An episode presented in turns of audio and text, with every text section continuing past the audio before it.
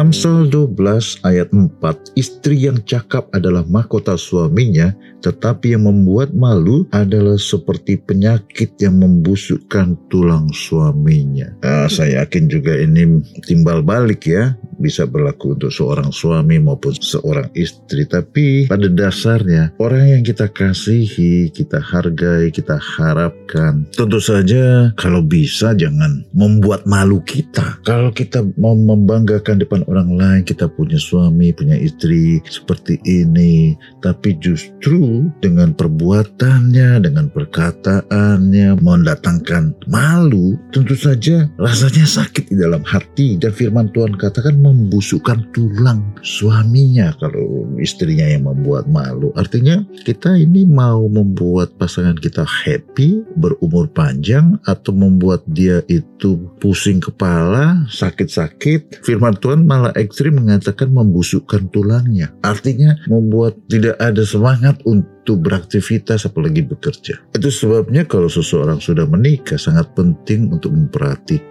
memperhatikan pasangannya. Apa yang dia katakan, yang dia perbuat akan berdampak kepada pasangannya. Karena nggak mungkin berpisah lagi. Sebab itu usahakan hargai dan hormati. Percayalah kalau pasangan kita sukses, kita juga yang akan mengalami sukses itu. Dan keluarga kita, anak-anak kita juga yang mengalami sukses itu. Selamat masuki hari ini. Tuhan Yesus memberkati. Amin. Thank you.